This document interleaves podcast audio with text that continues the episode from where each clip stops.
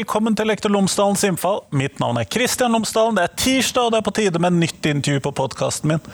Denne uken så snakker jeg med professor emeritus i helsepsykologi og tidligere assisterende direktør i Folkehelseinstituttet, Arne Holt. Vi snakker om eh, livsmestring som tverrfaglig tema, psykisk helse i skolen, og om eh, fagfornyelsen lever opp til det forventningene er for hvordan vi skal innføre mer om psykisk helse i skolen. Intervjuet er kjempeinteressant. Det er litt langt, men jeg tror du vil like det.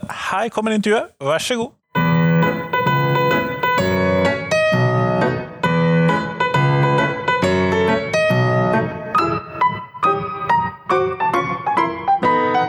Arne Holte, tusen takk for at du har tatt tid til meg i dag. Bare hyggelig. Før vi starter intervjuet, kunne du ha fortalt lytterne mine tre ting om deg selv, sånn at de kan bli litt bedre kjent med deg. Ja, egentlig så er jeg en enkel gategutt fra Vika. Uh, lett dyslektisk. Uh, har inneholdt uh, tre professorater og sluttet nå etter at jeg ble 70 år. Da ble jeg, sluttet jeg som assisterende direktør i Folkehelseinstituttet. Sånn er verden. Når man blir 70 år, så Da må man slutte, har jeg hørt. Ja, nei, jeg gjør akkurat det samme som før, bare uten lønn. Når man først jobber med noe man liker. Men du, vi er her i dag for å snakke om psykisk helse i skolen, og da eh, ville jeg starte rett og slett helt grunnleggende med hvorfor er det så viktig med å lære elevene om psykisk helse i skolen? Eh, psykisk helse Først, la meg først si hva psykisk helse er for noe. Ja, La oss starte da. Ja. Med psykisk helse så tenker jeg på vår evne til å regulere følelser, til å tenke fornuftig, til å styre atferden vår og opprettholde gode relasjoner til andre mennesker. Så enkelt er det egentlig. Det er de fire tingene det dreier seg om. Regulere følelser, tenke fornuftig, styre sin atferd og opprettholde gode relasjoner til andre. Grunnen til at psykisk helse er så viktig, det er at det er landets viktigste ressurs. Vi har ingen viktigere ressurs enn psykisk helse, og særlig den psykiske helse til barna våre. Hvis ikke vi har rimelig god psykisk helse i befolkningen, så klarer vi heller ikke å utnytte alle de andre ressursene optimalt. Det hjelper ikke å ha olje og laks og teknologi og hva det måtte For alle disse tingene være. krever arbeidsstokkressurser? De krever arbeidsstokkressurser, og det krever, krever, krever, folk som altså både har noenlunde kjennskap til følelseslivet sitt, og, og kan bruke fornuften sin ganske godt, og, og, og som ikke fyker rundt med overimpulsiv atferd, eller ikke klarer å styre atferden sin og hvis de ikke klarer å holde gode relasjoner til andre, så funker det ikke i arbeidslivet. Da begynner jeg å høre hvorfor det er så viktig at vi har dette i skolen. Ja, altså, ja øh, øh, det er, og det er, det er, viktig av flere grunner også. Fordi øh, vi har ikke i landet vært så gode til å ta vare på denne aller viktigste ressursen. psykiske lidelser koster Norge, og hold deg fast, 280 milliarder kroner i året. Det er et beløp som er så stort at de skjønner ikke. Det er en sjettedels statsbudsjett, det. Ja, eh, eller eh, like mye som om vi må øke alderspensjonene med frem til 2050 hvis vi skal opprettholde levestandarden i landet. Det er bare det at psykiske lidelser koster det hvert år. Eller like mye som vi tjener på å selge olje fra Johan Castberg ute i Nordsjøen i de neste 30 årene. Men psykiske lidelser koster altså dette hvert eneste år. Det er helt suverent landets dyreste sykdommer. Det er heller ingen annen sykdomsgruppe som står for større helsetap mens vi er i live. Og, og, og, det er knapt noen andre som, som står for flere tapte, friske leveår i landet. Så, så, så, vi snakker om formidable tap av noe som potensielt kunne være enda mye bedre utnyttet ressurser. Så, øh, så det, er, det, er, den ene grunnen til at dette øh, Det er liksom den ene synet på dette. Det er å se på dette som en ressurs for landet. Den andre siden, det er jo at barn skal trives og ha det godt når de er barn. Så at livskvalitet hos barn er i seg selv en, en verdi som vi setter høyt i, i, i, landet. Så det er nok de, de Og så vet vi jo det, altså når dette blir så viktig i skolen, så er det jo fordi at halvparten av de psykiske lidelsene debuterer før midten av tenårene. Altså Da snakker vi om diagnosene. Halvparten av diagnostiserte psykiske lidelser lidelser. Det, der etablerer vi diagnose før midten av tenåret, og tre fjerdedeler før midten av 20-årene. Men symptomene begynner jo mye tidligere. Og, og, hvis vi skal se på hvor det lønner seg å gjøre innsatsen, så, så liker vi å stole på nobelprisvinneren i, medisin, nei, i økonomi, James Hackman, som jo har regnet på disse tingene og viser rett og slett at jo tidligere du setter inn innsatsen, desto mer psykisk helse får du igjen for pengene. Ja, fordi det er så mye dyrere å reparere dette enn å prøve å forhindre det. Det, eh, det, eh, det ene er at det er mye dyrere å reparere. Det andre er at det er mye vanskeligere å, å, å reparere. Og det tredje er at det er bedre å stimulere en, en, en sunnhet og styrket utvikling enn å, å drive og reparere. Så er, jo, så er, det jo, også sånn at vi har hatt en enorm økning i psykiske helseproblemer i landet i det senere. Det, og særlig blant, blant tenåringer vi ser dette. det gjelder både når vi ser på Ungdata sine undersøkelser, det gjelder når vi ser på Unghund, som er helseundersøkelsen i Nord-Trøndelag, som er en stor representativ ja, for den var veldig detaljert. Ja. Og, og det gjelder også når vi ser på besøk i, i uh, psykisk helsevern for barn og unge, eller BUP. Og det gjelder når vi ser på, på, på registrering av psykiske helseproblemer hos fastlegene. Nå, nå, vet vi ikke hvor stor andel av dette som er, reell uh, økning, og hvor mye som er endret åpenhet. For det er ingen tvil om at barn og unge snakker om psykiske helseproblemer på en helt annen måte i dag enn de gjorde for bare 20 år siden. Sånn at, sånn at, og, og, det kan godt være at økningen i BUP skyldes rett og slett at vi har fått et mye bedre hjelpeapparat. Altså Vi har fått bygget ut kommunale psykiske helsehjelp, sånn at BUP har kanskje kunnet nå ta inn folk som de ikke tidligere tok inn. Sånn at, sånn at vi, skal ikke, vi, skal ikke la, vi skal ikke la bekymringen ta helt overhånd. Fordi det er jo sånn at 80-90% av ungdommene våre er fornøyd med livet trives, er glad i foreldrene sine, har gode venner, er med i fritidsaktiviteter osv. osv. Jeg kaller dette for stress-trivselsparadokset. Eh, stress nemlig det at på den ene siden har ungdommene våre aldri vært så fornøyde og hatt det så bra, og samtidig har vi aldri hatt så stor økning i psykiske eh, vansker. Så Jeg kaller det for altså stress-trivselsparadokset. Det er ikke sikkert at det er det beste ordet på det, men, men det poengterer i hvert fall dette, denne litt merkelig, som ingen forskere forstår egentlig. Hvorfor disse, på den ene siden at vi har det så bra, på den andre siden at vi har det så ille. Um, og hvis vi ser litt nærmere på hva slags typer problemer som, eh, som disse ungdommene har, eh, så er det jo gjerne knyttet til depresjon og angstproblemer. Ja, Det ser jeg en del av ja, min jobb. Ja, det gjør du sikkert. Og, øh, men, men det, er primært, det, er, det, er primært det. Det er ikke, det er ikke primært øh, atferdsproblemer eller ADHD eller, eller psykotiske eller, altså de, eller de store utviklingsforstyrrelsene. Nei, det er de vanligste lidelsene, øh, angst og depresjon, som altså er det som også preger eh, eh, barn og unge.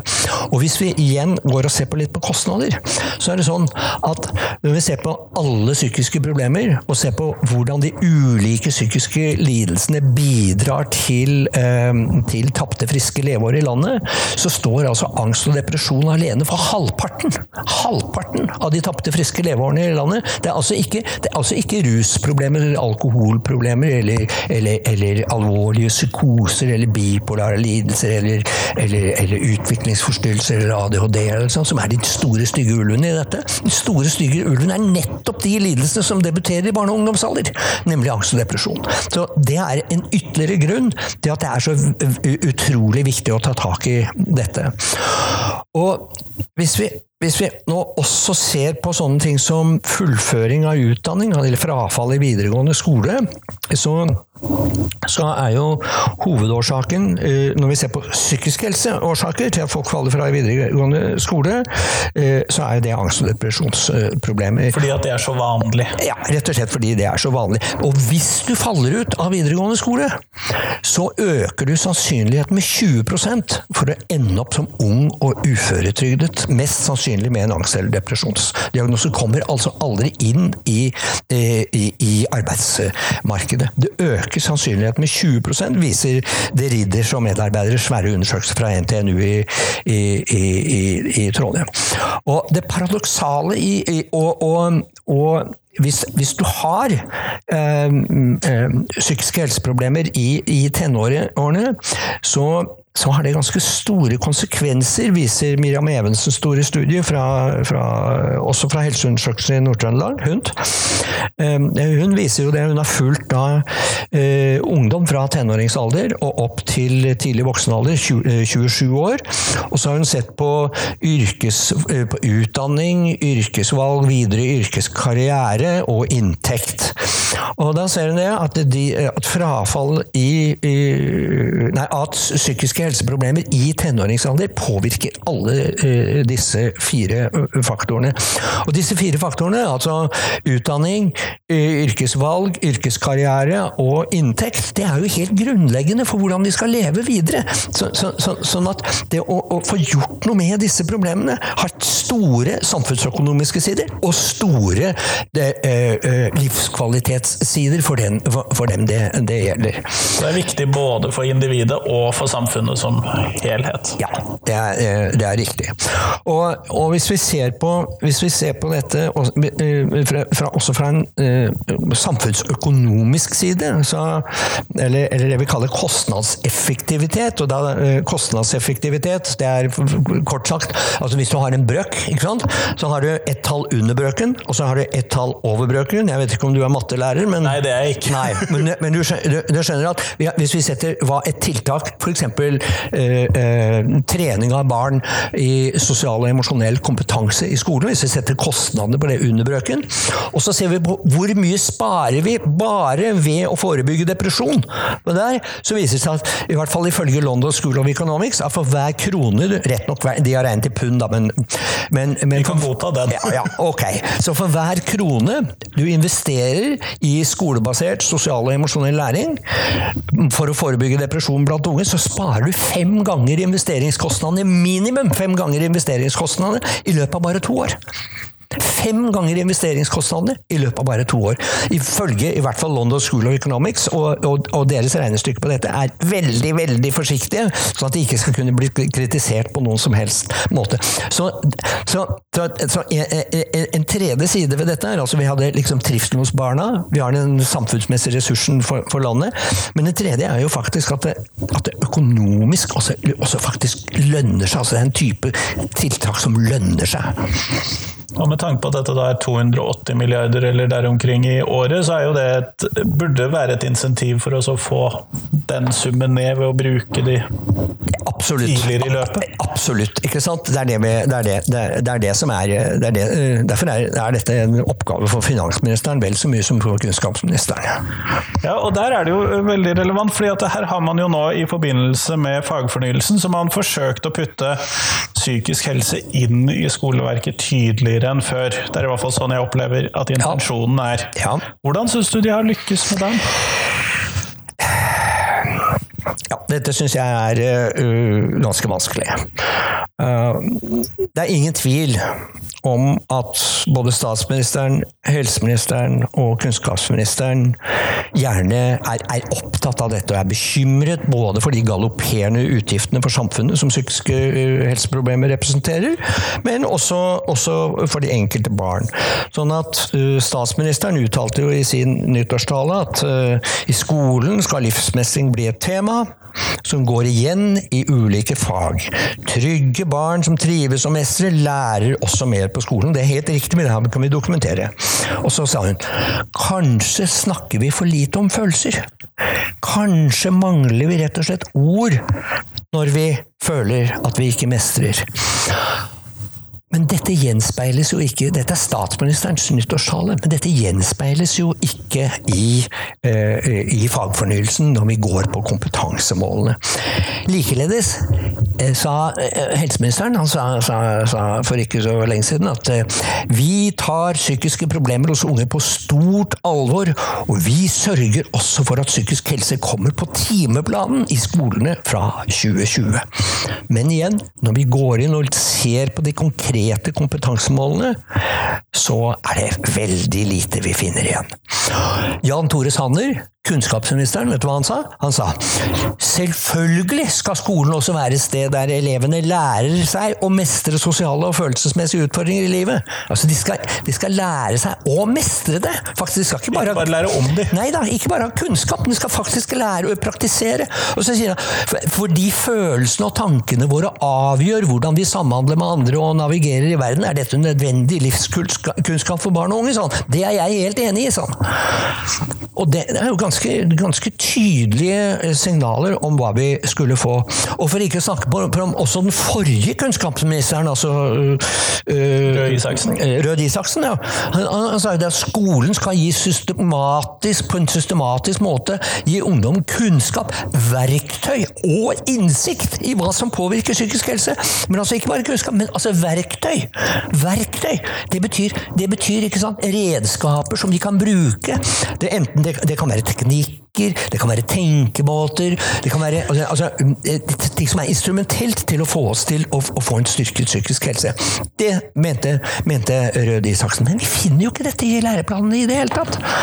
Hvis jeg, jeg, jeg vet ikke om jeg skal gå, gå inn på Kan ta noen eksempler, på, Ja, vi kan jo se på i norskfaget, så da handler det om tverrfaglige tema. Folk. Der sier at I norskfaget handler det tverrfaglige tema folkehelse og livsmestring om å utvikle elevenes evne til å uttrykke seg skriftlig og muntlig. står det. Og så står det videre. Dette gir grunnlag for å kunne gi uttrykk for egne følelser, tanker og handlinger, noe som er viktig for å håndtere relasjoner og delta i sosialt fellesskap. Men det er jo ingen kompetansemål i norsk om hvordan man skal kjenne igjen og uttrykke egne eller tolke andres følelser. Og det meste av kommunikasjonen vår med andre, den er jo ikke skriftlig. Den er ikke formell debatt, den er uformell. Den er automatisert. Det meste av det jeg sier og det du sier, det ligger der sånn helt automatisk. Og så ikke minst så er den nonverbal. Og så er den og så er den uformelle kommunikasjonen vår styrt av følelser og forhåndsinnstillinger. Og den, øh, og den aller viktigste, liksom, det vi kaller kommunikative komponenten i mye av kommunikasjonen vår, det er jo nettopp følelsene våre. Gå til norsk litteratur, da, siden det er norskfaget. Tarjei Vesaas, Jon Fosse, Hanne Ørstavik. Hva er det det handler om? Følelser. Det handler om, om, følelser. Og likevel så finnes det ikke noen kompetansemål på dette i, i norsk. Nei, så, så du, du, trakk jo frem en beskrivelse der av hva norsk skulle tilføre, og jeg ja. syns jo den kanskje var litt instrumentell. At den, nei, de skal lære å snakke og de skal ja. lære å skrive og uttrykke seg, sånn at de kan formidle følelser. Ja. Men de skulle ikke lære å formidle følelser. Nei, altså, jeg, jeg, jeg, savner, jeg savner rett og slett kompetansemål på vanlig muntlig kommunikasjon som kan brukes i daglig samhandling, og som involverer både nonverbal atferd og, og, og, og, følelser. Um, jeg syns jo dette med nonverbal atferd er også veldig interessant. Litteraturen Eh, jeg nevnte Tarjei Vesaas og jeg nevnte Jon Fosse. Er det noe som er nonverbalt, så er det jo de. Ikke sant? Men det er stor litteratur. Det er stor litteratur. Så, så eh, eh, det ligger, der, ligger det ganske dårlig, dårlig an. Og vi savner jo også, også, mer på digital kommunikasjon. Er det noe barn og unge driver med i dag, så er det digital Eh, kommunikasjon, digitale medier. Og sosiale medier, bruk av sosiale medier. Eh, eh, og det er veldig lite på ferdigheter i bruk av sosiale medier i, norskfaget. Men samfunnsfag og KRLE har jo også vært ofte typiske sånn der, eh, hva skal vi kalle det, snakke om eh, livets store Ja, jeg tenkte jeg skulle si litt om KRLE etterpå, for det er et av de minste fagene i skolen. ikke sant? Det er der man plasserte mest av, psykisk helse. Ja, det er veldig mye, mye i det faget som ikke er religioner. Ja, ja, det er riktig. Eh, Men hvis jeg får lov til å foreslå noen nye kompetansemål i norsk, så måtte Ja. det være at elevene skal kunne uttrykke egne følelser muntlig og nonverbalt på sosialt akseptable måter. Eh, Det kunne de ha f.eks. i annet og fjerde trinn. Eh, Elevene skal kunne tolke andres følelsesuttrykk. Sant? Annet og fjerde trinn. Elevene skal kommunisere, kommunis, eh, kunne kommunisere uformelt, både nonverbalt, muntlig og skriftlig, og via digitale medier. Det ville jeg foreslått eh, satt inn. Så ville jeg, øh, øh, eh, så jeg gjort noen endringer. I dag heter det at øh, eleven skal kunne samtale om å beskrive hvordan ord vi bruker kan påvirke andre. Jeg ville endre det til samtale om å beskrive hvordan ord og nonverbale uttrykk kan påvirke andre. Annet trinn. Eh, Og I dag står det at elevene skal kunne reflektere over hvordan språkbruken vår påvirker andre, og hvordan vi tilpasser og endrer språket i ulike situasjoner. Jeg ville endret det til reflektere over hvordan vår språk og kroppsbruk påvirker andre, og hvordan vi tilpasser og endrer vår kommunikasjon i ulike situasjoner. Dette er bare noen eksempler, da. For å så tydeliggjøre eh, følelsene inn i denne biten. Ja. eh, Så kan vi jo bevege oss til samfunnsfagene. Eh, Og eh, eh, det er jo eh, uten tvil og jeg Vel vel å merke, jeg snakker jo nå om det foreliggende utkastet. Vi vet som jo aldri hvordan det blir. Nei, vi vet jo ikke hvordan det blir, så jeg, jeg håper jo at etter denne podkasten så blir alt endret.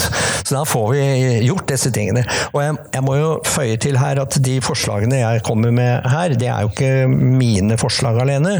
Det er forslagene til en gruppe som kaller seg Livsmestringsnettverket, som består av, av folk fra Universitetet i Oslo, Psykologisk institutt Universitetet i Oslo, fra eh, Institutt for pedagogikk og livslang læring ved NTNU i Trondheim, eh, Voksne for barn, eh, Mental Helse, folk fra Vestre Viken helseforetak og en rekke lærere. Sånn at eh, det vi har gjort, er jo å lage et forslag til høringsuttalelse, som da Voksne for barn og altså disse organisasjonene har levert likelydende eh, innspill på, med veldig konkrete formuleringer. Og det mangler jo ofte når man kommer med høringsforslag, så Ja. mangler ofte det konkrete. Ja. Nei, eh, her har vi vært veldig eh, konkrete. Um, Det, det er bra, Samfunnsfaget, det, eh, der har man, der har man eh, Men dette skulle jo være et tverrfaglig område, skulle det ikke det? Jo, det skulle ja, ja, det. Mens nå er det klumpet opp i samfunnsfag og til dels det bitte lille faget KRLE. Uh, Men, men eh, for- oss er det jo litt rart at psykisk helse er blitt til identitetsutvikling og fellesskap. Altså, eh, det, er, det er det som liksom er temaet her i, i, i, i, i samfunnsfaget. Og, og det er veldig fint at man har repetisjon av temaer over tid, og at man begynner med, med, med identitet og fellesskap allerede annet, på annet trinn. Det er veldig fint. Men det er veldig lite som går direkte på folkehelse. Da. Det jeg syns er hovedutfordringen, sånn som heller ikke samfunnsfag tar opp ordentlig, det er at man ser på sammenhengen mellom følelser, tanker og handlinger. Altså forholdet mellom følelser, tanker og handlinger. Det gjør man ikke. Nei. Eh, eh, I samfunnsfaget så, så, så har man tatt opp et begrep følelser, at man skal kunne samtale om kjensler, står det. Det er jo fint. Å reflektere rundt eh, respekt for egne og andre sine grenser, og knytte til kjensler, kropp og seksualitet. Det er fint. Men, men, men altså Det der med å se på det, det å forstå hvordan følelser henger sammen med tanker, hvordan tankene våre styrer hvordan vi føler, og hvordan følelsene våre styrer hvordan vi handler. Og, og, det også, og, og, da også, også kunne sette navn på alle disse følelsene. altså Hvilke følelser er det vi faktisk har? Det, de skal ikke kunne noe om det, står ikke det? Uh, altså i min, i, og hos meg, i, i hodet mitt, så, så, så har vi et begrenset antall følelser i, i begynnelsen av. Vi har, eh, vi har glede, vi har ømhet, vi har interesse og nysgjerrighet. Og så har vi en hel del negative følelser, som sinne, tristhet, uh, misunnelse, sjalusi, uh, skyld, skam. Og dette, det, det, det, å kunne, det å kunne kjenne igjen disse følelsene, det å kunne sette navn på dem, det å kunne uttrykke dem på, på, passende vis i lys av situasjonen. Kunne skille mellom frustrasjon, sinne og lei seg? Ja, ja, ja, ikke sant? Ikke sant? Og, og, og, og også kunne lese, følelse, lese andres følelser, og, finne reaksjonsmåter som er tilpasset andre, andres følelser. Og Da begynner vi å snakke også om ferdigheter.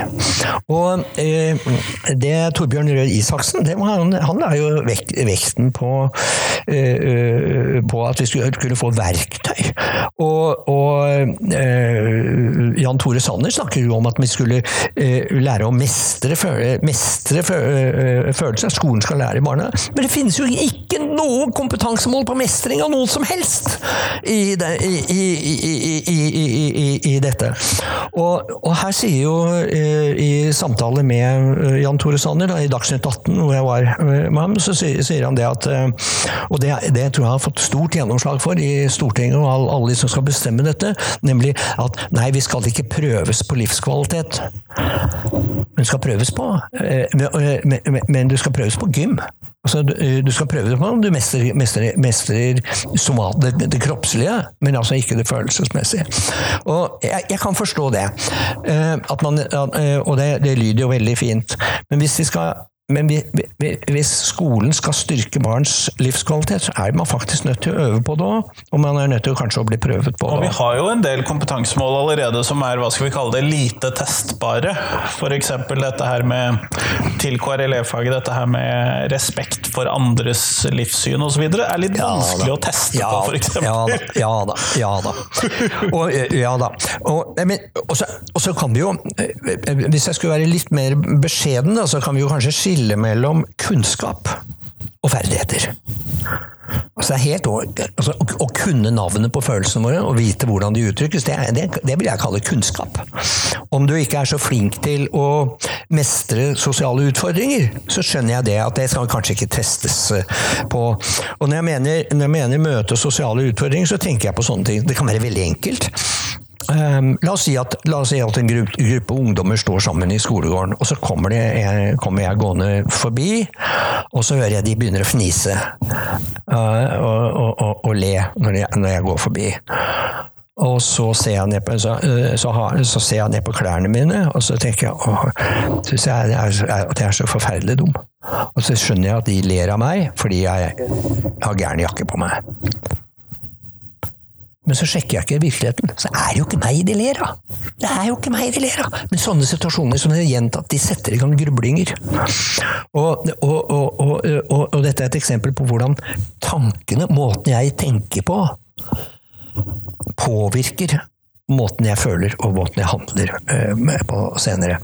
Og det å trene opp disse tenkemåtene når vi møter sånne små situasjoner, eller de kan være veldig store situasjoner, får en dårlig karakter på skolen, eller, eller, eller eh, man dummer seg ut av en eller annen grunn, så tenker man hvorfor skal jeg alltid? Eller hvorfor skal jeg aldri? Det er overgeneraliseringer, det er nesten aldri riktig, ikke sant? Uh, og det, det å trene dem opp til å si ja, denne gangen gikk det skitt, neste gang går det bra. Det er mange måter å, å, å, å, gjøre dette på. Men her kan vi trene barna. Men da må, det, da må det faktisk inn i kompetansemålene. Fordi du som er lærer, vet jo utmerket godt at det du ikke finnes kompetansemål på, det tar man lettere på. Og etter hvert når man kommer opp på videregående som hos meg, så bør det også inn på eksamen før vi tar det alvorlig. Ja, det har du vel antagelig rett i, ja. Um, um, uh, ja. Um, som sagt, det er en god del, eh, det er en god del i, i, i samfunnsfag, men, eh, men eh, det er jo Mye på gruppe og identitet. ja, det går veldig, og det, det er veldig mye en- det jeg kaller kalle en samfunnsvitenskapelig tilnærming til det, mer sosiologisk statsvitenskapelig og. Sånn at identitet, det handler om å være norsk, eksempel. Det handler om etnisitet. Men, men det handler ikke så mye om følelsen av hvem jeg er. Og, ja. Men hvilke merkelapper du passer inn i, kanskje mer? Ja, ja, ja, ja, det kan du godt si. Um, hvis, vi, hvis vi hopper um, litt uh, Du lovte meg noe om KRLE-faget. Ja, jeg skal gi deg det, men kanskje jeg skal gi deg noen nye kompetansemål på, innenfor samfunnsfag. Uh, Jeg vil foreslå at eh, elevene skal kunne samtale om og utforske hva som påvirker hvordan mennesker har det, og hva man kan gjøre uh, for å ha det bra. Passelig på annet og fjerde trinn, f.eks. Jeg vil foreslå at elevene skal kunne reflektere over hvilke faktorer som påvirker menneskets helse og livskvalitet. Det hadde vært ålreit å få inn. 7. og 10. trinn, f.eks. Eller eh, samtale, elevene skal kunne samtale om hvordan følelser påvirker våre valg, og hvordan man tenker og gjør eh, kan påvirke følelsene. Det er eh, grunnleggende psykologi. Eller at elevene skal kunne, og at elevene skal kunne utforske hvordan følelser, tanker og handlinger påvirker hverandre. Det syns jeg hadde vært ganske vettuge mål å fått inn i samfunnsfaget. Jeg skal gå til KRLE. Ja, men jeg vil først Ja, ok. et lite sånn ting, okay. for eh, Ut ifra de ferdighetene som eh, du skisserer her, da, i eh, samfunnsfag, men også i norskfaget, Ja. så tenker jeg at ofte når vi møter elever med problematferd som utviser problematferd i skolen, så ser vi jo det at det ofte dreier seg om frustrasjoner over eller ting de ikke mestrer, og, så, og, og ikke klarer å håndtere det på en adekvat måte. Og det høres jo ut som at disse kompetansemålene som du har skissert til nå, til dels kunne ha bøtet på denne manglende evnen til å uttrykke riktige følelser på riktig måte. Ja. Eh, eh, det var for så vidt noe av det jeg prøvde å si med at, man sier at man- vi må også øve oss på å tilpasse våre reaksjoner, våre handlinger, til andres følelser. Eh, Men, jeg tror vi må skille mellom to ting her, og det er lett å sause sammen. Eh, Det ene er hva vi skal trene elevene i, hva de skal kunne. Det andre er skoleledelse og klasseledelse. Det er en annen sak. Sånn at det å lage, det å lage et godt skolemiljø, eller for ikke å si det å få en skole eller en klasse til å bli en psykisk helsefremmende organisasjon, det er et lærer- og ledelsesansvar. Det, selvfølgelig har elevene også et ansvar for det, men, men det er noe annet enn kompetansemålene i, i skolen, i, i fagfornyelsen. Og jeg skal gjerne til slutt si noe om hva som skal til for å få en psykisk helsefremmende eh, få skolen til å bli en psykisk helsefremmende organisasjon, for jeg mener vi kan måle skoler på det. Men, men, men det er noe annet. Sånn at det å lage et, et, et godt skolemiljø, supert. Og det, det bør alle ledere ha, men det er altså ikke en del av kompetansemålene i, i skolen. Da kan vi gå til KRLF. Da kan vi gå til KRLE, vet du. Og um, KRLE har jo inkludert det mest essensielle innen psykisk helse på individnivå, vel å merke. Nemlig tanker, følelser og handlinger via ett kompetansemål i fjerde klasse. Nemlig at elevene skal kunne sette seg inn i og formidle egne og andres tanker, følelser og erfaringer. Det står faktisk der, og det må jo være vel og bra. Men det er altså sånn at KRLE er et av de aller minste fagene du har i skolen. Så jeg skjønner ikke hvordan man har klart å plassere liksom den mest sentrale delen eh, i, det, i, det aller, eller i et av de aller minste fagene i skolen. Og Med flest læreplaner. ja. Og, og hvorfor bare på fjerde trinn?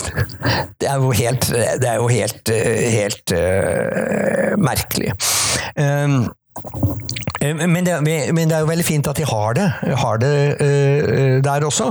Og jeg må jo si også på KRD så savner jeg jo grunnlagende kunnskap om hvordan personer kommer frem til sine etiske valg, og hvordan moral og normer utvikles. Det savner jeg. Savner jeg. Og, og hva som medvirker til at man kan gjøre umoralske handlinger.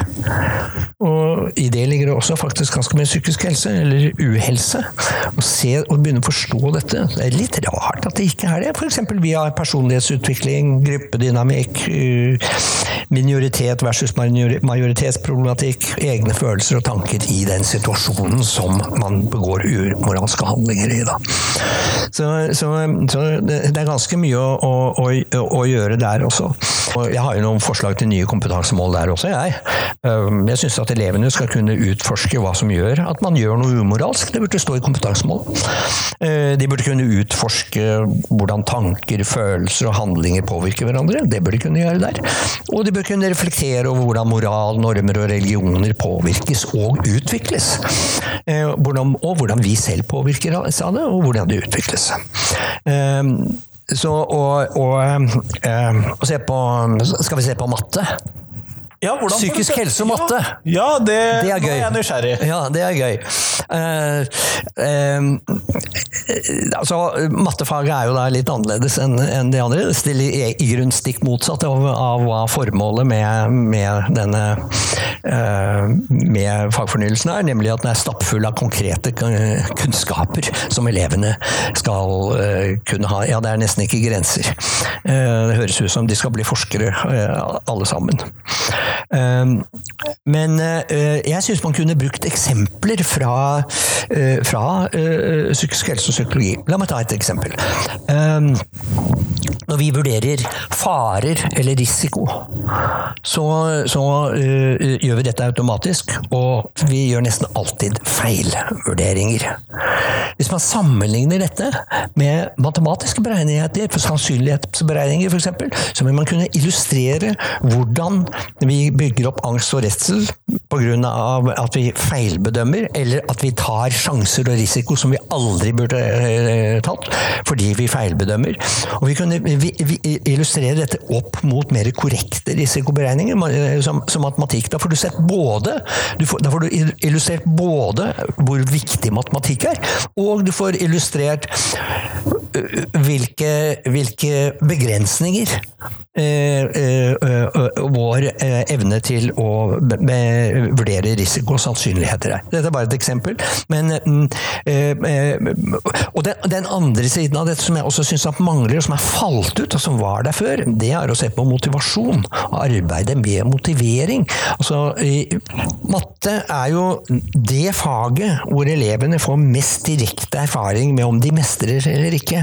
Ja, og det er jo det som Ikke bare via tilbakemelding fra lærer, men her får man direkte, eh, ut fra sin egen forståelse av, av matteproblemene, så får man en opplevelse eh, Fordi det finnes et fasitsvar, så får man ofte en opplevelse av å være taper og en som ikke, ikke får til. Så her er altså nederlagene mange. Og det må vi forebygge. Og derfor burde man i mattefaget legge til rette for motiverende læringsprosesser på tvers av kompetansenivåer i matte og Nå er det lagt inn noe sånt på annet trinn, men det holder jo ikke med å bare ha det på annet trinn. Det, det, dette store fokuset på kunnskaper og, så, og, og, veldig detaljerte kompetansemål vil antagelig bidra til fortsatt kunnskapsfokus, og dermed stress for elevene. Og Det var det som skulle unngå ved denne fagfornyelsen. Da må man i hvert fall supplere det med at man har inn det, det mer motiverende i dette. Ja, for så, Mattefaget er et fag som veldig mange har dårlige opplevelser med? Ja. Ehm, jeg syns man burde gjøre endringer også i den overordnede beskrivelsen i matematikkfaget. Ehm, der står det nå at den overordnede Der, Der står det nå at jeg vil foreslå at den overordnede beskrivelsen eh, utvides fra å gi inntrykk av å kun omhandle personlig økonomi, for det er masse av der, ikke sant, i eksempelet, til også nettopp å inkludere psykologiske tema knyttet til matematikk, som, eh, som er viktig for helse og livsmestring. ikke sant? Eh, sånn at, sånn at istedenfor at dette går bare på økonomi, så burde man si blant annet økonomi. Og jeg vil også foreslå at der hvor det står gjennom, gjennom faget skal elevene få forståing for matematiske representasjoner og modeller. Utmerket. Men jeg ville endre det til gjennom faget skal elevene få forståing for, for matematiske representasjoner og modeller som er viktig for deres helse og livsmestring. Eksempel personlig økonomi, forskjeller mellom subjektiv og reell risiko, og andre forhold som vil medvirke til at de tar ansvarlige valg, livsvalg. Sånn at man får bygget altså hvis, hvis dette folkehelse og livsmestring skal være et tverrgående fag, så må det bygges inn i alle fag, sånn som kunnskapsministeren har sagt at det skulle være. Sånn er det jo ikke nå. Nei, fordi at det, sånn som det er nå, så er jo det da i begrenset grad inkludert i disse tverrfaglige temaene. Ja. Um, så, I begrenset grad. Ja. Økonomi hører jo med, men ja, ja, det er ikke noe galt med økonomi. Selvfølgelig er det viktig. Selvfølgelig er det viktig. Men du Ja. Naturfag. Ja, hva med naturfag? Der står det ille til. Der står det ille til. Ja, um, men fortell. Eh, altså I den overordnede delen, så, så, så, under fagets relevans og under kjerneelementet kropp og helse og verdier og prinsipper, og i beskrivelsen av tverrfaglige emne, emne bruker de begrepet helse. da. Eller, der, eller spesifisering at dette omhandler også fysisk og psykisk helse. Og det er bra. Altså helse generelt, eller psykisk og fysisk helse. Det er i den overordnede. Men når vi kommer til kompetansemålene, da er psykisk nærmest helt borte. Da er det igjen, og det, og det ser ut som om man har visket det ut, eller så har man bare glemt det. Eh, og i de fleste kompetansene som omhandler eh, folkehelse og livsmestring, så er altså psykisk nå borte. Igjen, følelser, tanker og handlinger og sosiale relasjoner. Det er naturfag. Det er naturfag. Ja, det er jo se, på dyr, se på dyrene. Se på plantene sånn, og, og, menneskene. Vi er alle en del av naturen, og, disse, og, og, i hvert fall alle dyrearter har i hvert fall både følelser og, en slags tanker. I hvert fall impulser. Og, de handler. Og tenk nå på eh, hvordan vi utvikler oss, tenkningen vår f.eks. Dette vil være en helt naturlig del av naturfag, å ha tenkningsutvikling fra spedbarnsalder og ut i livet. Tenkningen vår forandrer seg hele tiden. Eh, Eh, gjennom livet. Eh, eh, tenk på sansene våre, sanseapparatene, hvordan det utvikler seg gjennom hele livet. Og, og, og, og hva med følelser? Jo, jeg kommer tilbake til statsministeren. Kanskje snakker vi for lite om følelser selv. Kanskje mangler vi rett og slett ord for når vi føler at vi ikke mestrer. Da er det litt rart at naturfag Følelser det er da knyttet til pubertet og seksualitet. Jeg regner med at vi har følelser både før og etter. Ja, vi har det, skjønner du. Vi har det. Vi har det. Vi har følelser annet enn på syvende trinn i skolen. Det, det sånn. men, men, men, men, det er der, det er der øh, følelsene er lagt. Og, og, og, følelsesregulering, eller mestring av følelser, sånn som, sånn som både øh, øh, forrige kunnskapsministeren snakket om, og sånn som statsministeren snakket om, det er jo ikke med i kompetansemålene i det hele tatt tatt. Det er jo veldig rart. Hunder og katter har følelser, ikke sant. Og hva med personlighet, da? Uh, har du hatt hund eller katt noen gang? Eh, vi har en katt nå. Du har én, ja. Har du hatt to noen gang? Nei, det har jeg Jo, jeg har faktisk hatt det. Ja. Eh, til Og de er sikre på at de var ganske forskjellige. Ja, de var det. Ja, Sånn er vi mennesker òg. Vi har ulik personlighet, ikke sant. Og, det er, eh, det, og, og, og, vår personlighet er i stor grad også genetisk determinert. Altså det, det, det, genetikken er med på å bestemme en stor del av det. Kan du tenke deg noe flottere sted enn i naturfaget, og nettopp å se på variabilitet? Variasjonen, og hvor nødvendig det er at vi er forskjellige. Kan du se på hvordan, hvordan, eh, nei, hvordan naturfaget, og sammen med matematikk også, kunne understreke betydningen av mangfold. Det at vi faktisk er forskjellige, få forståelse for mangfold. At dette er en, en naturens nødvendighet. Det er evolusjonens nødvendighet at vi er, er forskjellige. Ja, det har de faktisk helt glemt å se, på sånne ting som, som, som uh, personlighet. Personlighetstrekk. Katter er forskjellige, hunder er forskjellige, mennesker er forskjellige. Mangfoldet er viktig og verdifullt for evolusjonen, for, for arten menneske. Dette er naturfag.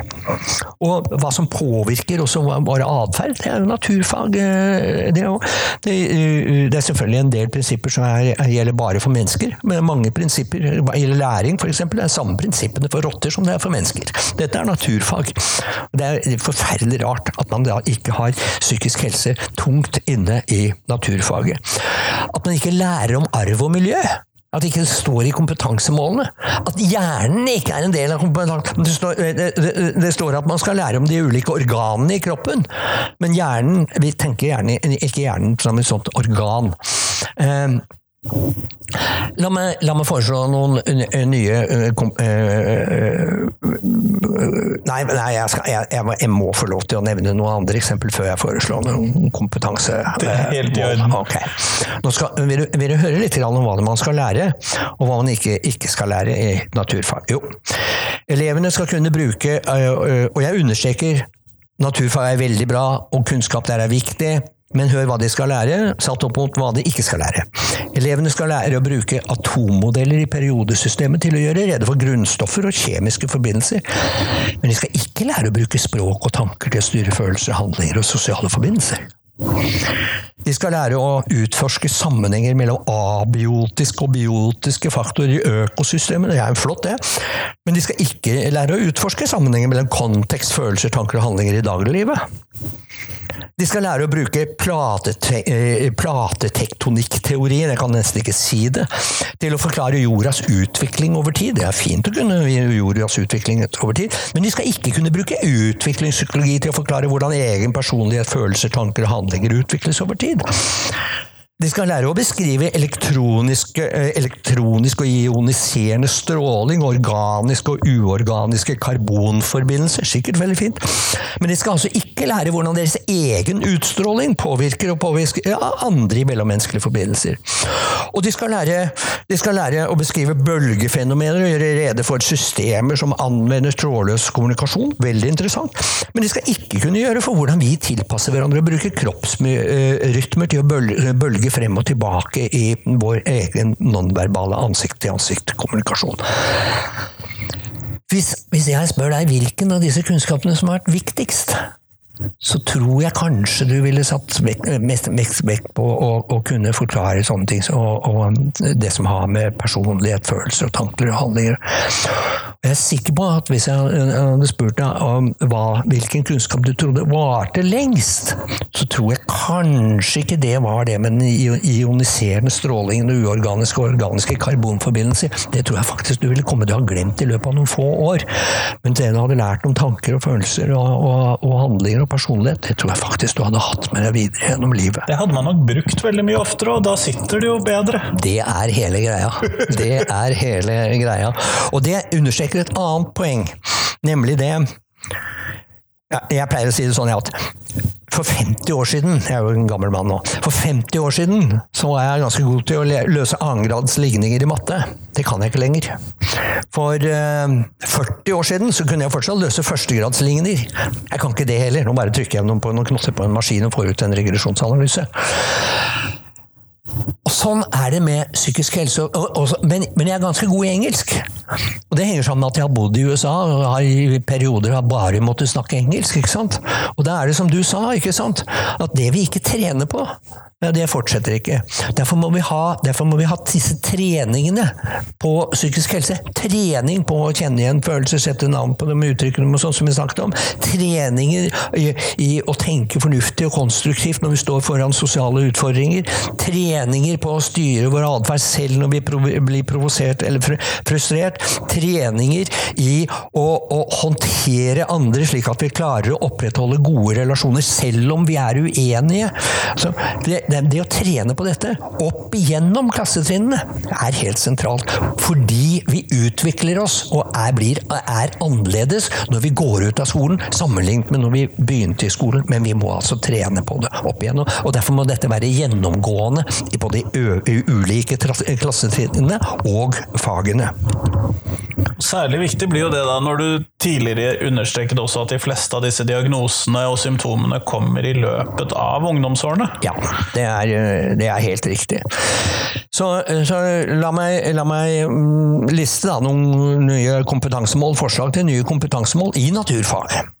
Jeg vil foreslå elevene skal kunne utforske og gjøre rede for hva følelser er. Hvilke grunnleggende følelser som eksisterer, og hvilken funksjon de har. Altså, Følelsene våre har jo en funksjon. Hvis vi ikke blir redde, så dør vi, ikke sant? Ikke sant? Og hvis vi ikke blir eh, triste og, og lei oss når noe har skjedd, ja, så forandrer vi ikke, eh, forandrer vi ikke atferd. Og så eh, bør elevene kunne vite hvordan, disse, eh, eh, hvordan følelsene utvikles over tid. Tenk deg noe så gøy, ja. Å ha interaktive lære, læremål, hvor man kan samhandle og lære om seg selv opp igjennom ettersom man går opp gjennom klassetrinnene. Så vil jeg foreslå at elevene skal kunne beskrive hva tanker er for noe, hvilken funksjon de har, og hvordan evnen til å tenke utvikles over tid. Og så vil jeg foreslå at elevene skal kunne gjøre rede for hvordan biologiske faktorer er knyttet til tanker, følelser og handlinger. Og jeg vil foreslå at elevene skal kunne gjøre rede for menneskers stressreaksjonssystemer, og benytte kunnskap om hvordan stressreaksjoner kan påvirkes til å ivareta egnes og andres helse. Det hadde vært eh, fint å, å få. Og så ville jeg fjernet fra teksten ordet organ fra kompetansemålet, der hvor det står 'gjøre rede for noe, noen av kroppens organsystemer'. Altså, det holder med at det står 'gjøre noen av kroppens systemer', og beskrive hvordan systemene virker sammen. Um, og så vil jeg foreslå at der hvor det står at det skal kunne gis eksempler på noen vanlige sykdommer og samtale om tiltak for å verne kroppen mot smittsomme sykdommer. Det er jo litt spesielt, da, at naturfaget begrenser seg til smittsomme sykdommer. Jeg ville foreslå at det endres til samtale om hvordan vi kan ta vare på vår egen fysiske og psykiske helse. Og da får vi den, den, den mye bedre og, og inni der bør håndvasken ligge uansett? Der bør håndvasken ligge, selvfølgelig. Og tannpussen og, og sånn og, og pusse litt på følelsene våre også. Um, så, så, jeg vil også foreslå noen endringer der hvor, det står, der hvor det står at elevene skal kunne samtale om hva helse er, og drøfte hvordan livsstil påvirker helse. Så burde det kanskje stå til, sånn at, uh, at uh, livsstil ikke snevrer temaet inn til fysisk helse, men i stedet, stedet står samtale om hva helse er, og drøfte hvordan våre handlinger påvirker vår fysiske og psykiske helse. Ja. Um, Nettopp for å sikre at man ikke glemmer den psykiske helsen oppi det hele? Ja, det er, det er jo det, det, som går igjen i, i, i dette. Um, ja eh, På engelsk der har de jo faktisk tatt vare på dette med uformell kommunikasjon i mye større grad, og det er, det er veldig, veldig For det manglet du jo i norskfaget, eller ja, savnet du iallfall ja, i norskfaget? Ja, men savnet det i norskfaget, men i engelsk så får de det, da. Det, der får de litt av det. Og det er veldig fint, fordi at mesteparten av den bruken de kommer til å ha på engelsk, det er jo uformell kommunikasjon. Skal jeg si noe om kroppsøving? Psykisk helse er jo nevnt i den generelle innledningen der, da, men i kompetansemålene så har psykisk helse blitt nesten helt borte. Uh, og igjen så er det dette med følelser. Ja, følelser. De fleste av oss tenker jo ikke på det, men følelser er jo kroppslige reaksjoner. Alle følelser er kroppslige. Tenk på Dette er kommet på relativt nylig. Definisjonen av en følelse, det er noen du kan gi uttrykk for kroppslig. Du, du, skal, du, kan gjøre, bruke ansiktsuttrykk, du kan bruke kroppsstillinger. Alle sammen av oss kan, kan mime eller kroppslig uttrykk for alle de grunnleggende følelsene våre. Tristhet. Du kan bruke ansiktet, og hele kroppen bøyer seg og den blir, blir tung. Glede. Du slår ut med armene og speiler opp ansiktet, ikke sant? Avsky. Du Avsky, du, Ja, ikke sant? Uh, ekkelhet, som er litt av det samme som avsky, eh, skam, skyld Alle følelsene våre er kroppsfenomener. Og den andre siden av følelser, det er handlingstilskyndelser. Altså det er handlingsforberedelser. Og eh, heldigvis så stopper vi disse handlingene veldig ofte. Når vi blir sinna, så går vi ikke bort og drar til et menneske eller biter eller, eller noe sånt. Vi, vi holder, holder, litt igjen. Men, men, men, følelsene våre er altså kroppslige fenomener, og de er handlingsforberedelser. Og følelsene våre forteller oss hvordan vi har det. Så hvis vi ikke forstår følelsene våre, så forstår vi heller ikke hvordan vi har det. Og, øh, og, når vi ser på kroppsøving, så er det jo da litt rart at nettopp disse kroppslige fenomenene som følelsene er, at disse kroppslige fenomenene, de er faktisk ikke med i kompetansemålene i det hele tatt. Og det er jo igjen forferdelig rart. Her bør det være samarbeid mellom kroppsøving og norsk. Sånn at man får følelsen av forbindelsen mellom norsk og kroppsøving. og da får du den der tverrfaglige biten på Da får du det tverrfaglige. Det er kanskje ikke alle som hadde tenkt på. Jeg vil foreslå at uh, det står at elevene skal kunne kjenne igjen kroppslige signaler og bruke kroppen til å kunne regulere følelser og mestre stress. Det har vært et fint eh, mål i, i kroppsøving. Uh, og uh, der hvor, der, hvor, det står at elevene skal kunne forstå og praktisere enkle regler i samspill i ulike bevegelsesaktiviteter, så vil jeg foreslå det endret. Dere skal forstå og praktisere enkle, formelle og uformelle regler i samspill i ulike bevegelsesaktiviteter. Um, ja. Og det hadde vært gøy å bruke Nå, nå er jo veldig fint at kroppsøving har liksom gått bort Har dempet ned veldig dette her idrettsprestasjonsgreiene. og Det er blitt mye bevegelse og, og lek. Og, for det har jo vært et problem for mange. Ja, ja og det er, det er, kjempefint. Det er kjempefint. Men nettopp fordi man har gått mer over til å så, så, så, så ville det vært fint å ha nettopp denne nonverbale kommunikasjonen inne der. Eh, sånn at man kunne øve seg rett og slett på både bli bevisst bevisst på å kunne, kunne uh, både bruke kroppen sin i nonverbal kommunikasjon, bli bevisst på det, og, og lese andres nonverbale uh, kommunikasjon. For det er jo sånn Vi stoler jo mer på, vi stoler jo på, mer på det vi ser, enn det vi hører. Hvis, hvis, hvis, hvis kroppen ikke samsvarer med det vi sier, så stoler vi mer på det vi ser kroppen uttrykke, enn det ordene sier. Det er sånn vi avslører om noen lyver. Ikke sant? Fordi at det henger ikke sammen, det vi totalbildet vi ser? Nettopp. Nettopp. Og så mat og helse. Skal jeg si litt om mat og helse òg? Det begynner kanskje å bli litt langt, dette. Men, ta med mat og helse! Ja, ålreit, ta med mat og helse. Ja, altså, mat og helse er veldig hot vitenskapelig for tiden, da. Eh, men det er, altså, det er altså slik at det vi putter i kroppen vår av mat og drikke, det påvirker faktisk ikke bare kroppen. Det er, ikke bare liksom kroppsvekta og, og, og, og det påvirker også humøret vårt. Og etter hvert så har vi ganske god Jeg vil, jeg vil, jeg vil fortsatt si at dette er forskningsområdet som er under utvikling, men vi har faktisk ganske god evidens for sånne ting som at f.eks. middelhavskosthold kosthold eh, ser ut til å ha en mm, antidepressiv effekt. Ikke stor, men har en antidepressiv depressiv effekt. Mens, eh, mens eh, mm, La meg kalle det for enkelt skyld gatemat.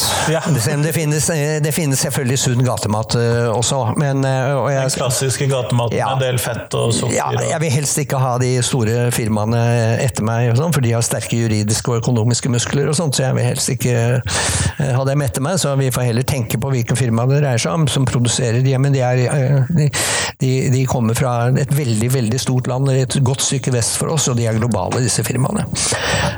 Og, og, og, den maten den ser ut som også har, uh, statistisk sett i hvert fall, uh, ikke bare er den kroppslig usunn, men den, påvirker også vår psykiske helse. Sånn at jeg skulle gjerne sett i, under mat og helse at man faktisk også tok inn det, og kan ja, sånn at man fikk sett noe mellom sammenhenger mellom mat og matinntak og psykisk eh, helse. Hmm.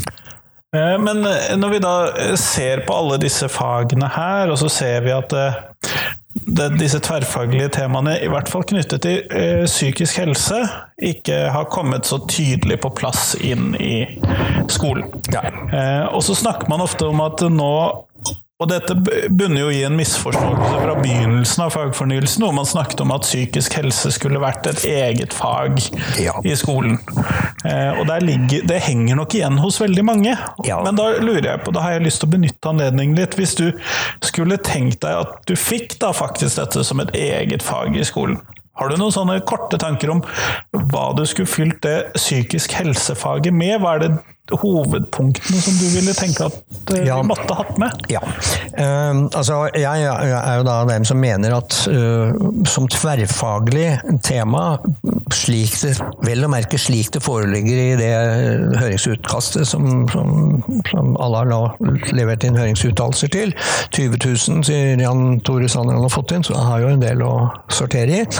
Men, uh, men eh, så ser det ut for meg som dette på Og jeg mener gjennom noe av det jeg har sagt nå også, og har vist til dokumentasjon på at dette ikke i dag er et tverrfaglig tema.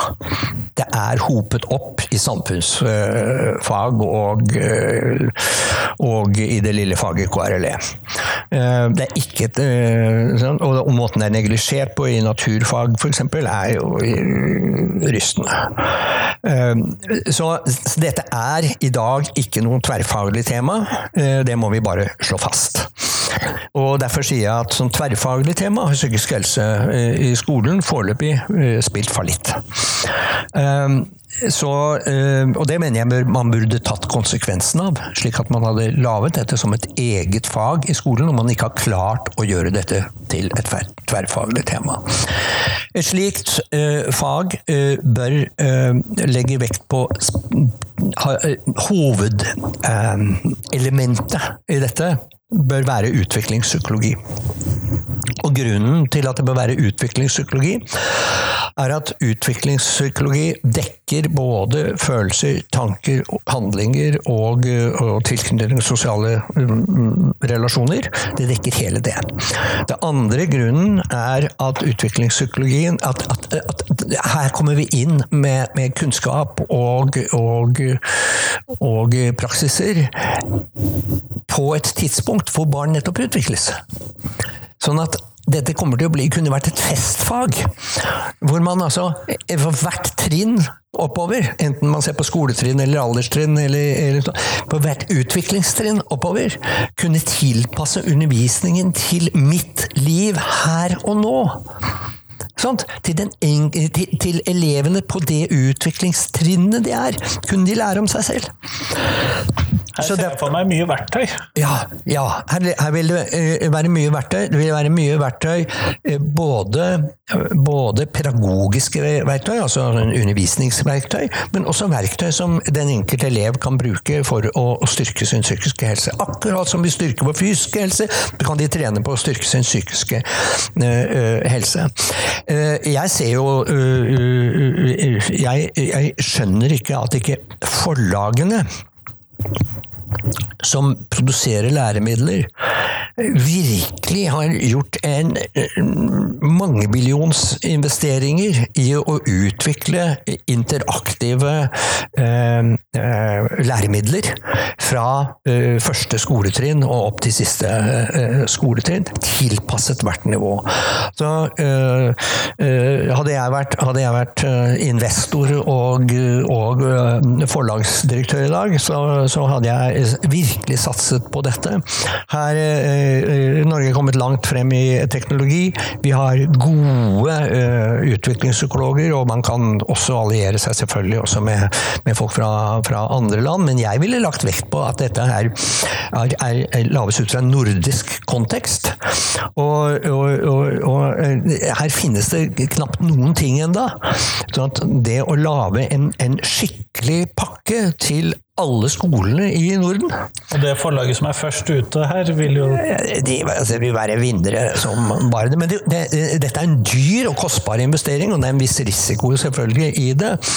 Men, men samfunnet er nå såpass endret i sine holdninger på psykisk helse. Etter at Bondevik ble deprimert, så har Norge endret seg. Men det er ikke bare Norge vi ser denne utviklingen, vi ser den i Sverige, og Danmark og Finland også, og Island.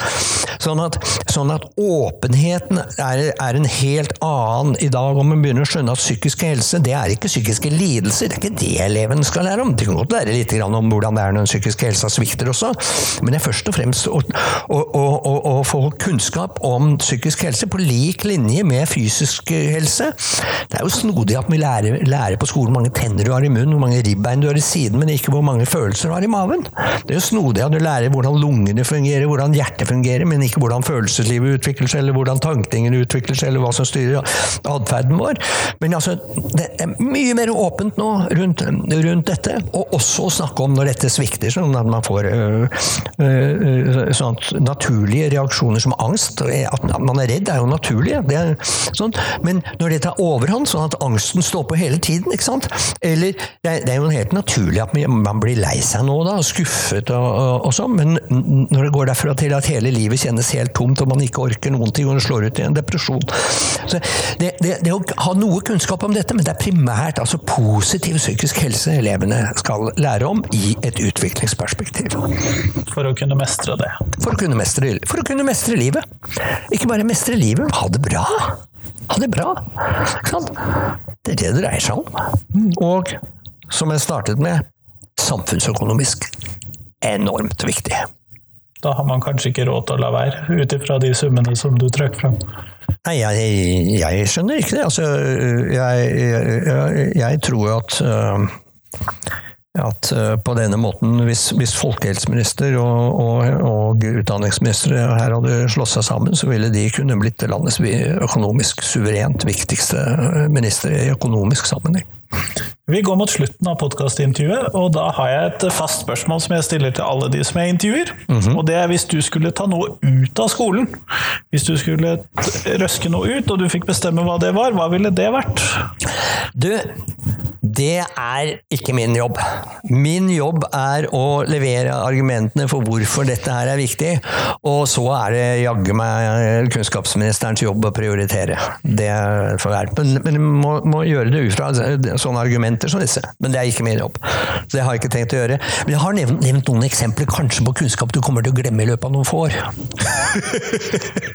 Kjempeflott. Tusen takk for at du tok deg tid til meg i dag.